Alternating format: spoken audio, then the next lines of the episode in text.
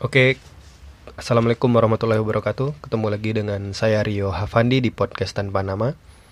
Uh, ini udah masuk ke episode ke saya kali episode ini sering lupa. Kalau nggak salah 15 ya, episode 15 uh, eh, dan udah udah nggak rekaman nih dua minggu karena ada tragedi. Jadi ceritanya minggu lalu si si handphone ini kedatangan kedatangan tamu nggak diundang. Nah, jadi ada ada maling yang kayaknya butuh duit jadi melihat kesempatan ada handphone nganggur dibawa pulang. Uh, dan sebenarnya udah rekaman tuh malamnya. Jadi uh, saya udah rekaman Rabu malam terus Rabu malam minggu kemarin terus uh, paginya handphone hilang uh, dan ya rekamannya jadi jadi kebawa kan. Uh, tapi ya alhamdulillahnya udah udah dikasih pengganti yang lebih baik asik. Jadi mungkin mungkin saya sebelumnya sebenarnya udah udah udah pengennya ganti handphone sih tapi ya dengan dengan cara seperti ini uh, akhirnya bisa ganti handphone. Oke kita nggak bahas itu dulu. Uh, jadi ceritanya sekarang saya tuh tinggal di sekitaran uh, persawahan. Jadi di sekeliling tempat saya tinggal yang sekarang ini uh, dikelilingi oleh petak-petak sawah. Jadi pergi ke sininya tuh melewati pematang sawah gitu. Jadi ada jalan yang bisa untuk satu motor satu sepeda motor gitu. Jadi le, uh, seru sih di sini. Jadi saya, saya mendapatkan sebuah perspektif baru setelah setelah beberapa waktu tinggal di sini dan di sekitar sawah ini uh, juga ada pasar kaget. Nah inilah yang akan kita bicara, uh, kita coba bahas mungkin topik kali ini uh, tentang seputar pertanian lah. Nah jadi tinggal di sekitaran pertanian itu uh, serunya adalah kita hidup di di lingkungan yang begitu asri, yang begitu hijau. Ya kita tahu lah bahwa warna hijau pun secara psikologis kan itu lebih menyehatkan atau lebih memberikan kenyamanan ketentraman gitu kan. Bahkan di beberapa rumah sakit modern sekarang sudah menggunakan cat uh, atau selimut warna hijau dan seterusnya gitu. Jadi lebih lebih bikin kita adem lah gitu. Uh, dan ini sebenarnya tempatnya masih di kota Padang tapi uh, karena di kota Padang itu kan nggak kota semua ya jadi ada beberapa tempat yang yang di dikelilingi oleh oleh sawah gitu. Uh, mayoritas perkebunan lah kayak gitu. Uh, dia masih di, di lingkungan kota Padang sebenarnya.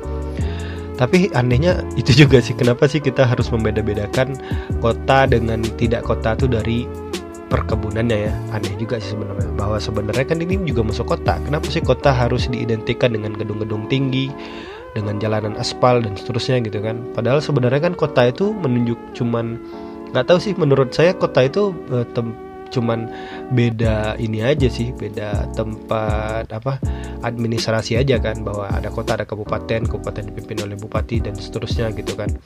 Dan uh, kenapa harus orang mengatakan bahwa ketika ada sebuah lokasi yang tidak tersentuh dengan gedung-gedung ataupun jalanan aspal yang bagus itu tidak digolongkan sebagai perkotaan?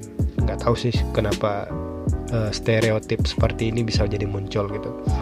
Tapi kita nggak bahas itu. Uh, saya ingin bahas dari perspektif seorang petani uh, yang uh, mana di sekitar sini juga ada pasar kaget. Ini ada ada kaitannya gitu jadi ceritanya di sekitaran sini itu uh, tempat saya tinggal tuh dikelilingi oleh petak-petak sawah beberapa beberapa hektar gitulah kemudian ada juga uh, perkebunan ada orang yang nanam uh, jagung, orang yang nanam kacang tanah gitu-gitu. ada orang yang di sekitarnya juga ada pohon kelapa, pohon pisang gitu-gitu. Jadi uh, sesana seperti ini uh, sepertinya cukup memberikan kenyamanan dan kondusivitas ketenangan juga uh, bagi orang-orang yang tinggal di sini gitu. Cuman memang salah satu uh, di di di men, apa mindset sebenarnya mindset orang-orang di sini sih agak-agak agak masih cukup tertutup lah. Artinya ada juga yang member, yang berpandangan bahwa pendidikan misalkan tidak terlalu penting. Jadi mayoritas di sini juga tidak melanjutkan ke sekolah SMA ataupun perguruan tinggi gitu. Jadi paling tamat SD atau SMP mereka udah udah merasa cukup uh, pendidikannya kemudian melanjutkan uh, aktivitas tani ataupun pergi merantau keluar meninggalkan tempat tinggal dia yang sekarang kayak gitu. Nah menariknya, menariknya adalah di tempat pertanian ini itu ada ini, ada ada pasar kaget gitu. Jadi di pinggir jalan, kemudian mereka tuh bikin lapak ataupun kayak kayak pedagang kaki lima. Kemudian ada juga yang pakai terpal untuk alas, kayak uh, ya melapak gitulah untuk member, men, menjual hasil tani mereka gitu. Nah, kenapa saya bilang menarik? Karena yang dijual itu adalah produk-produk yang dia tanam kayak gitu jadi dia dia dia misalnya nanam uh, ubi kemudian setelah masa panen ubinya dibawa tuh ke pasar kaget kemudian dibeli oleh uh, pembeli nah uh, menariknya adalah saya membayangkan bahwa pasar kaget itu seperti ini seperti apa seperti pameran karya gitu kan. Jadi kalau misalkan kita anggap petani itu adalah seorang pekarya maka uh, pasar kaget ini adalah tempat pamerannya gitu kan. Kita kan ada tuh pameran lukisan pameran uh, apa seni-seni patung misalkan. Jadi ada pasar seninya lah. Ada pasar seni kemudian orang-orang datang ke situ kalau mau beli ya silahkan itu kan nah ini bedanya adalah bukan kesenian memang tapi karyanya adalah yang dia buat dalam bentuk uh, hasil pertanian gitu. Tapi kan sah-sah saja bahwa ketika uh, kita ada misalkan ada seorang petani yang menganggap bahwa hasil taninya adalah bentuk karya dia dia bayangkan ini mungkin lebih ini lebih lebih kolaboratif lagi karena si petani ini kan dia berkolaborasi dengan alam gitu. Artinya yang dia tanam dia berharap agar alam membantu dia kemudian ada hujan yang cukup mengairinya kemudian hujan yang tidak berlebihan kemarau yang tidak berkepanjangan gitu. Gitu. Jadi ada harapan yang ditumbuhkan juga di situ uh, ya ini ya rada-rada filosofis juga tapi saya memang melihat seperti itu gitu bagaimana ada seorang bapak-bapak kemudian dia keluar pagi-pagi membawa cangkulnya kemudian dia mendatangi uh, lahan pertaniannya gitu kan. Itu uh, dia uh, uh, yang dia rawat kemudian di malamnya dia juga berdoa semoga hasil taninya menghasilkan gitu kan. Itu kan dirawat dari awal dia menanam benih dia memupuk kemudian memberikan uh, kebutuhan yang dibutuhkan oleh si ini si tanaman gitu kan. Kemudian uh, dalam dalam jangka waktu sekian dia bersabar dia menunggu. Kemudian uh, dan singkat cerita akhirnya hasil taninya pun jadi terus di di di dikumpulkan dan dia panen. Kemudian terus dia dia bawa ke pasar kaget itu gitu Nah langsung dia menjual dia dia dia langsung yang melapak gitu. Jadi ibaratnya dia suami istri kemudian istrinya uh, si istrinya udah nungguin tuh di pasar kemudian sang suami bawa pakai gerobak gitu. Ini kan uh, sebuah romantisme juga yang ditunjukkan oleh oleh mereka. Saya pikir ini menarik menarik banget bahwa ya ketika kita melihat mungkin perspektif kita kan melihat para petani itu tidak tidak sejahtera gitu kan tidak tidak tergolong tidak mampu gitu. Karena umumnya memang petani dari segi penghasilan kayaknya memang cukup kesulitan ya memenuhi kebutuhan finansial. Tapi di lain ketika kita bicara tentang kebahagiaan tentu kita tidak bicara tentang uang saja gitu. Nah kebahagiaan itu ter, ter, terlihat dari paras mereka ketika hasil taninya terjual. Itu kan sama kayak kita ber, berseni berkesenian kemudian kesenian yang kita kita kari, karya kita itu di, dibeli oleh oleh dinikmati oleh uh, pembelinya gitu. Pengunjung pasar seni itu ternyata berminat untuk beli karya kita kan gitu. Nah ini pengunjung pasar kaget itu tertarik melihat hasil dari uh, pertanian yang yang telah di, di, di, dirawat yang telah di, ditumbuhkan oleh si petani ini gitu kan belum lagi kita bicara bagaimana mereka uh, kehidupan mereka keseharian. Ketika mungkin jam uh, pagi-pagi si si bapak udah disiapkan itu secangkir kopi oleh si ibu istrinya kemudian dia berangkat bekerja pagi-pagi terus sampai di sawah ataupun di kebun. Jam 11 siang datang tuh istrinya bawa rantang bawa makanan kemudian makan bareng. Ini sebuah pemandangan yang uh, mungkin jarang ataupun tidak bisa kita bisa uh, kita nikmatin di kota gitu kan. Di kota yang saya maksud kota yang kita pahami bersama lah bahwa ya kehidupan yang begitu riuh kemudian kemacetan polusi dan seterusnya gitu kan. Dan ini mereka kayak ada gubuk gitu kan di di tepi sawah itu ada, ada di pematang sawah itu dia bikin gubuk. Kayak di apa uh, iklan RCTI oke yang lama tuh kan. Jadi kan uh, mereka uh, ada mereka berdua menikmati makanan yang yang telah dimasak oleh sang istri kemudian ber, ber, ber, bersenda gurau uh, sesekali si petani atau si suami melempar melempar jok-jok gombalnya misalkan. Jadi lebih seru gitu. Nah uh, si istri pun tersenyum dengan ya kehidupan yang begitu tenang. Kemudian barangkali si anak-anak si petani ini lagi sekolah dan dia sibuk dengan pertaniannya dengan dengan uh, romantisme yang bisa di, mereka nikmatin gitu kan. Ya menurut saya sih menarik menarik. Uh, bayangin kalau di kota belum belum kita misalkan berangkat pergi uh, di jam 4 subuh misalkan karena kita harus menghindari kemacetan. Kemudian malamnya udah capek ketiduran ya nggak sempat lagi lah ber, ber, berromantis romantis ria dengan dengan pasangan gitu kan. Jadi ini ini ini menjadi uh, hal yang yang nggak tahu sih kenapa orang-orang harus harus meng, mengurangi jumlah jumlah ini kan. Kan uh, jumlah pertanian itu kan semakin hari kan semakin menyusut. Karena dari segi finansial tadi yang saya sebut tadi bahwa ternyata tidak terlalu menjanjikan barangkali.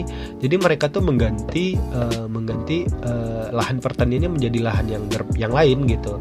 Misalkan dia bangun kos-kosan gitu. Jadi dia, dia dia dia timbun lagi lahan pertaniannya dibangun rumah kemudian dia jadikan kos-kosan yang barangkali uangnya lebih menjanjikan menurut mereka gitu. Tapi ya pada akhirnya uh, uh, semakin ke sini tentu lahan-lahan pertanian jadi semakin menyusut gitu. Belum lagi nanti ada pembangunan, ada pembangunan jalan. Itu kan uh, apa?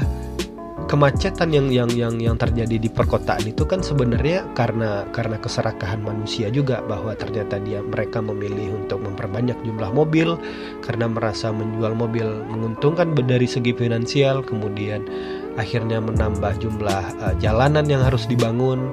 Kemudian ternyata tidak seimbang jalan yang dibangun dengan kendaraan yang terjual gitu. Yang pada akhirnya ke egois egois kita sesama kita yang uh, yang berusaha mengejar keuntungan yang sebesar besarnya akhirnya membuat kita uh, kehilangan uh, lahan hijau tadi gitu kan. Uh, yang ya nggak tahu sih gimana ke depannya apakah lahan pertanian setelah ini juga akan semakin menyusut dan semakin menyusut. Karena kita tahu bahwa mana ada sih sekarang uh, uh, di Indonesia ya khususnya di Indonesia anak muda yang tamat kuliah kemudian dia ingin ingin bertani gitu kan. Kan jarang gitu bahwa uh, meskipun dia jurusannya pertanian barangkali dia mau kerja di bank mau kerja di perkantoran gitu. Karena dia merasa bahwa lahan pertanian tidak begitu menjanjikan untuk finansial gitu Sementara kalau kita bicara misalkan di luar negeri kayak di di Jepang itu misalkan Jepang itu kan e, ibaratnya e, tidak terlalu luas ya dibanding kita gitu. Bahkan mereka secara alam sering kali ada ada itu kan dekat-dekat di Jepang itu kan banyak pegunungan gitu misalkan. Itu kan bisa mengganggu mereka dalam dalam ber, bertani misalnya. Tapi mereka luar biasa gitu. Perhatian pemerintahnya begitu terlibat di dalam di dalam ini di dalam kehidupan pertanian di situ gitu. Kalau di kita kan enggak, kita lebih banyak mungkin diurus oleh ya kita kita aja gitu. Saya melihat di sini pun petani ya udah dia dia dia menanam kemudian tidak ada tidak ada campur tangan pemerintah secara uh, direct kepada mereka kayak gitu kan. Sementara kalau di Jepang kita lihat bahwa ternyata harga produk pertanian pun kan dikontrol misalkan. Jadi singkatnya gini aja lah sederhananya bahwa semua semua hasil tani itu dibeli oleh pemerintah bukan semua sih mayoritas lah. Kemudian yang dibeli ini dijual dengan harga yang di, di yang pemerintah bisa kontrol gitu. Meskipun nanti ada swasta yang ingin mengkomersilkan ya silahkan gitu kan. Tapi ya bersaing dengan pemerintah pada akhirnya gitu. Nah ini yang tidak tidak di, di Indonesia agak-agak agak berjarak antara pemerintah dengan petani yang di lapangan gitu kan. Meskipun kita tahu memang ada dinas pertanian yang nggak tahu siapa yang mereka urus uh, secara yang akan berdampak secara direct kepada petaninya ini gitu. Dan ya uh, kalau di di Indonesia emang kayak gitu. Bahkan kalau di di Jepang pun kan sentuhan teknologi juga cukup akrab dengan dunia pertanian. Bahwa untuk menanam, menyiram, memanen mereka sudah punya alat-alat berat yang yang sudah dikonstruksikan oleh, oleh para para sarjana mereka gitu. Dan di kita kan enggak. Mereka yang lulus di pertanian biasanya tidak tidak tidak begitu kental dengan tidak begitu akrab dengan uh, apa gagasan tentang pertaniannya gitu dan ini ya lagi-lagi perspektif saya mungkin yang terbatas tentang dunia fakultas pertanian ya. Tapi ini yang yang saya temukan di sekeliling saya yang tinggal yang saya tempat tinggal saya yang sekarang kayak gitu. Bahwa ternyata memang tidak ada teknologi yang bisa mereka uh, pakai untuk membantu mereka dalam mengolah hasil tani misalkan.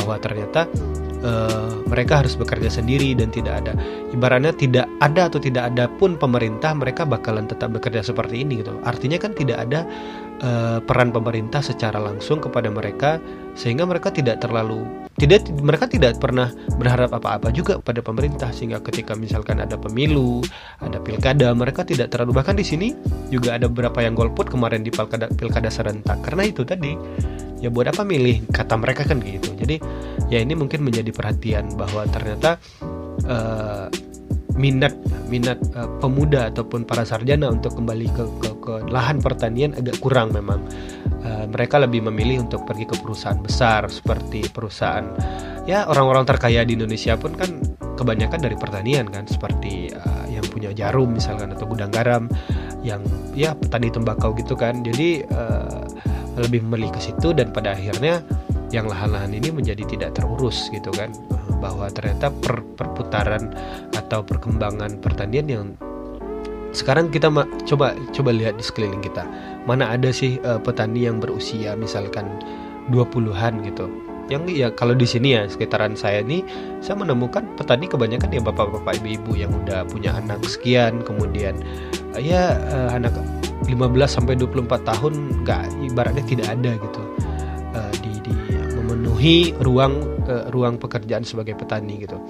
Karena kenapa? Karena stereotip kita tentang petani itu sudah terlanjur kerdil gitu. Kita cenderung mengkerdilkan status petani itu sendiri gitu. Yang ya pada akhirnya kita kita tidak kita gengsi untuk menjadi seorang petani. Padahal sebenarnya kalau kita bisa menyentuh men, me, mengkolaborasikan petani dengan gagasan yang kita punya, tentu ini bisa menjadi hal yang per, uh, positif bahwa ternyata uh, apa uh, profesi seorang petani juga juga patut diperhitungkan kan kayak gitu. Jadi ya mudah-mudahan sih ke depan generasi muda petani bisa bisa bisa lebih bisa bangkit ya bahwa ternyata kalau kita lihat faktanya sekarang kebanyakan ya usia-usia 30-an 40-an yang lebih banyak um, ber, bermain di di lahan pertanian secara langsung. Kayak gitu. Jadi belum lagi nanti penyuluh pertanian yang tidak begitu up to date dengan teknologi ataupun ya kan kita sering lihat tuh ada penyuluhan dari pemerintah gitu. Nah hal seperti ini sebenarnya tidak begitu tertarik para petani mengikutinya karena kebanyakan teori misalkan dia tidak tahu lapangan kemudian tidak tidak menyelesaikan masalah mereka tuh kebanyakan penyuluh itu melaksanakan aktivitasnya hanya untuk uh, memenuhi tugasnya atau membayar membayarkan hutangnya saja tanpa ada gagasan yang sedang dibawa kayak gitu. Jadi ya mudah-mudahan sih ke depan bisa ada solusinya bahwa ya pertanian sih perlu kita perhatikan. Tapi sebenarnya dari tadi awal tadi saya nggak mau bahas itu. Tapi saya ingin bahas dari bagaimana kita bisa menem saya belajar dari dari suasana seperti ini bagaimana seorang petani ini menempatkan dirinya sebagai seorang pekarya gitu yang saya bahas tadi bahwa ternyata dia bisa berkarya bikin karya dia menanam benih kemudian merawat kemudian dia jual ke pelanggan ataupun pecinta seninya pecinta karyanya ya karya yang di pertanian tadi kemudian dibawa pulang untuk dinikmatin kayak gitu kan. Jadi uh, yang bahkan kalau kita tarik lebih luas ternyata bahwa aktivitas yang kita lakukan di tempat kita kerja sekarang pun nggak nggak bahkan kalau teman-teman yang masih kuliah yang dengerin podcast ini misalkan ini kan masih mahasiswa sebenarnya kan itu bentuk ini kan bentuk uh, karya kita juga. Artinya bagaimana kita bisa menempatkan setiap pekerjaan yang kita lakukan itu bentuk karya kita gitu. Mulai dari misalkan anak-anak yang masih sekolah atau yang masih kuliah. Tugas-tugas yang dilakukan yang disuruh oleh dosen anggaplah itu sebagai karya yang dipersembahkannya kemudian dia disuruh uh, presentasi oleh dosen. Jadikanlah presentasi itu momen untuk mem membuat presentasi yang mempesona gitu bahwa ternyata orang terinspirasi dengan presentasi di kelas kita gitu kan.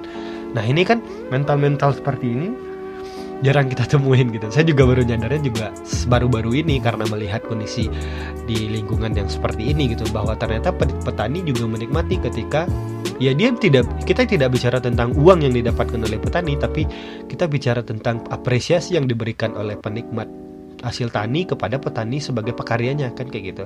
Itulah kenapa mungkin di beberapa kita, uh, pekerjaan kita kan sering disebut dengan karyawan Nah, sering kali orang mengidentikan karyawan ini yaitu orang-orang yang mono kerjanya, bahwa dia tidak punya uh, kreativitas, dia tidak pokoknya dengan kalau dengar karyawan aja orang udah udah jenuh me, me, membayangkannya gitu bahwa pekerjaannya itu cukup jenuh untuk di, dilakukan gitu. Padahal sebenarnya kan karyawan itu pun diambil dari kata karya kan, karya dan wan orang-orang artinya kan orang-orang yang berkarya gitu. Jadi di mana pun teman-teman hari ini bekerja di mana pun teman-teman hari ini posisinya uh, di perusahaan kah maka jadikanlah itu bentuk seba, uh, sebagai kontribusi kita sebagai pekarya gitu. Kenapa karena kenapa? Karena kita ya memang benar-benar karyawan kan? Jadi ibaratnya definisi karyawan yang cuk yang mulai dinegatifkan ini harusnya kita bisa coba uh, perbaiki gitu. Artinya anggaplah karyawan ini kita ganti menjadi pekarya. Pasti beda, pasti beda sense-nya beda gitu. Bagaimana ketika misalnya ketika kamu kerjanya apa? Saya seorang pekarya gitu kan. Pekarya di mana? Di perusahaan A. Jadi seorang dia dia jadi semacam terdorong untuk bikin karya gitu. Misalkan di simpelnya bikin bikin disuruh oleh atasannya untuk bikin tolong bikin laporan bulanan tentang ini ini ini misalnya di kantor itu kan bentuk bagaimana ada kalau ketika ada sense berkarya maka dia nggak mengikuti pola lagi bahwa ketika harus ada yang ditambahkan ditambahkan gitu.